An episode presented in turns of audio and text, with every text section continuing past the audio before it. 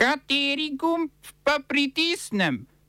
Tisti, na katerem piše OF. Turčija bo ruski plin delno plačevala v rubljih. Kitajska bo pomagala pri repatriaciji rohinjskih beguncev iz Bangladeša v Mjanmar.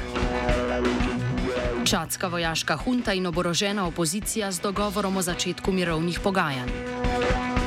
V akademskih 15 manj sredstev za izobraževanje in nova pravila raziskovalnih projektov ARS.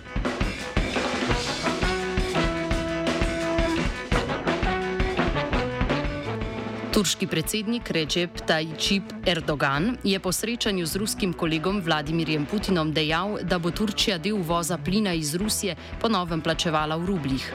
Na pogovoru sta predsednika tudi obljubila okrepitev sodelovanja med bankami. Erdogan je oznanil zelo resen napredek na področju uveljavljanja ruskega sistema kartičnega plačevanja, imenovanega Mir v Turčiji. Pet turških bank naj bi rusko alternativo belgijskemu sistemu za medbančno poslovanje SWIFT že začelo uporabljati.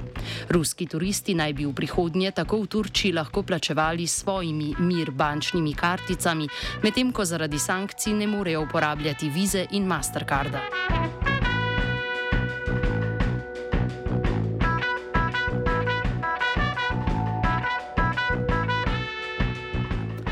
Ameriški senat je sprejel zakon o zmanjšanju inflacije, vreden 430 milijard dolarjev. Zakon se osredotoča na cene zdravil za starejše, na strožji nadzor nad korporacijami in njihovim plačevanjem davkov ter na globalno segrevanje. Cene zdravil naj bi zakon znižal tako, da se bo veja zdravstvenega ministrstva, ki skrbi za Medicare, program zdravstvene nege za starejše, s farmacevtskimi podjetji, podjetji lahko pogajala o ceni zdravil. Prihranjeni denar iz pogajanj pogajanj bi država vložila v subvencioniranje zdravil za starejše. 375 milijard evrov bo vlada po sprejetem zakonu namenila obnovljivim virom energije in za subvencioniranje nakupa električnih avtomobilov. Ne gre za državne investicije, ampak za davčne olajšave podjetjem in posameznikom, ki vlagajo v jedrsko, sončno in veterno energijo. Zakon naj bi bil največji ukrep ameriške politike pri zmanjševanju emisij oglikovega dioksida. Biden, ki je pred izvolitvijo trdil, da ne bo dovolil nikakršnega novega črpanja nafte ob obalah, je to sedaj dovolil. Pred enim mesecem je odobril nova dovoljenja za črpanje nafte in plina ob obali Mehiškega zaliva in Aljaški obali za naslednjih pet let. Je pa prepovedal črpanje nafte in plina ob ostalih ameriških obalah. Okoljske organizacije so, poleg kršenja predvolilne obljube, opozorile tudi, da takšno črpanje Ameriko oddaljuje od cilja zmanjšanja oglikovih emisij za 50 odstotkov do leta 2030. Denar za ukrepe naj bi zakon sicer zagotovil z večjim financiranjem finančno podhranjene davčne uprave in posledično učinkovitejšim pobiranjem davkov.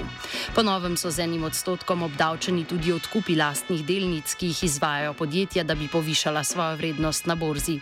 Zakon mora potrditi še predstavniški dom, kjer imajo demokrati večino. Biden je že napovedal, da ga bo radostno podpisal.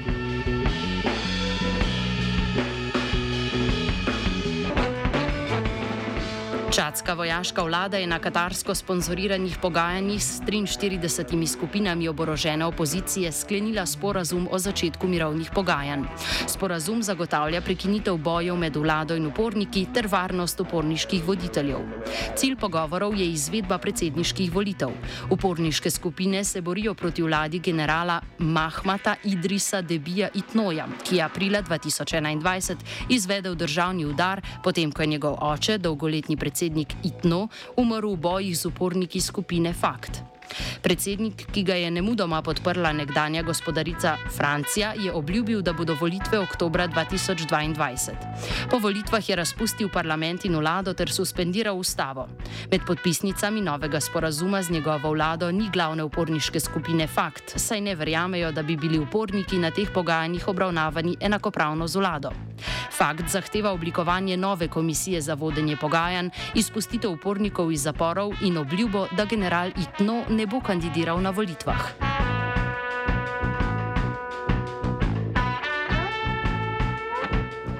Londonski Horniman muzej bo Nigeriji vrnil beninske bronaste plošče in ceremonialne predmete. Muzej namreč priznava, da jih je leta 1897 britanska vojska ukradla iz tedanjega kraljestva Benin. Nigerijska državna komisija za muzeje in spomenike je vlogo za vrnitev 72 artefaktov uložila letos. Kolekcija Horniman muzeja je le majhen delček izmed 900 beninskih bronastih predmetov, ki jih je britanska vojska odnesla po napadu napadu na mesto Benin, ki leži na ozemlju današnje Nigerije. Beninsko dediščino počasi vračajo tudi nemški in škotski muzeji.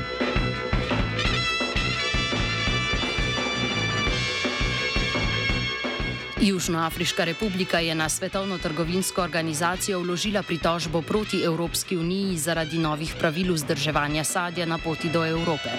Evropska pravila naj bi zaustavila potencijalno širjenje insekta iz podsaharske Afrike, ki se hrani s pomarančami in grenivkami. V Združenju pridelovalcev agrumov Južne Afrike trdijo, da so njihove obstoječe metode boljše od sedaj zahtevanih evropskih pravil, ki da niso v skladu z znanostjo. Južnoafriška republika nova pravila Evropske komisije krivi za gnitje pomaranč v evropskih pristaniščih. Nova pravila so tam namreč zaustavila sadje v vrednosti 36 milijonov evrov, ki zaradi novih pravil nima ustreznih dokumentov. V pritožbi Južna Afrika, drugi največji svetovni izvoznik agrumov, tudi opozarja, da pravila ogrožajo prehransko preskrbljenost in pridelavo citrusov, ki so jo ogrozile že visoke cene gnojil in prevoza. Evropska unija in Južna Afrika imata sedaj, na vrhuncu sezone izvoza citrusov, dva meseca časa, da razrešita spor. Po poteku tega roka bo o pritožbi odločala komisija strokovnjakov Svetovne trgovinske organizacije.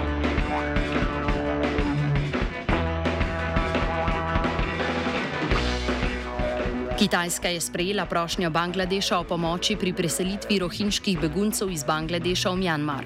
Kitajska bo, tako bangladeški zunani minister Abdul Momen, poskrbela za nekaj hrane za begunce v Mjanmaru.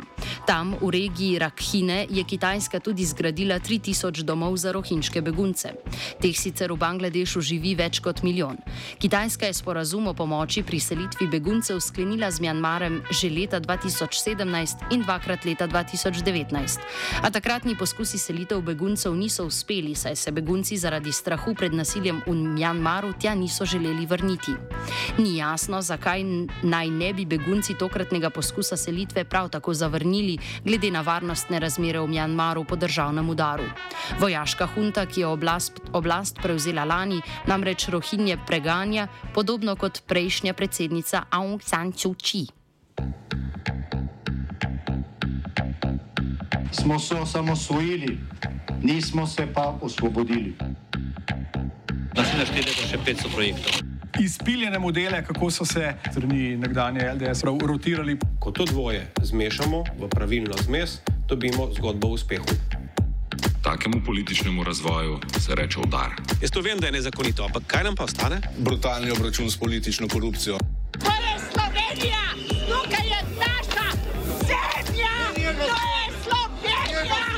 Slovenija! Slovenija! Danes ob 18. bosta v hiši sanjajočih knjig gostovala švedska aktivista Sana in Benjamin. V Ljubljani sta se ustavila na poti od Švedske do Zahodne Sahare, po kateri kolesarita, da bi jo zaveščala o ljudeh okupirane Zahodne Sahare.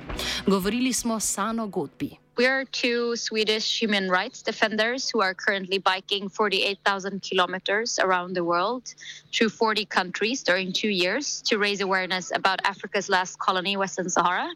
So uh, we started in Sweden in May. So we biked almost two and a half months so far, and we're going to end our tour in Western Sahara, the liberated part of Western Sahara. Western Sahara is divided by a huge wall, the longest active wall in the world. It's 2,700 kilometers long. So we're going to be on the part that's not occupied by Morocco, and and the last part we're going to bike 2,000 kilometers through the Sahara Desert to to get there. Um, and our trip is going currently towards through the Balkans, towards Azerbaijan, and then through most of Asia before we go back to Africa. Uh, Western Sahara has been occupied since 1975 by Morocco, and the situation there is very serious. Uh, people are facing grave human rights violations. They are being imprisoned, tortured.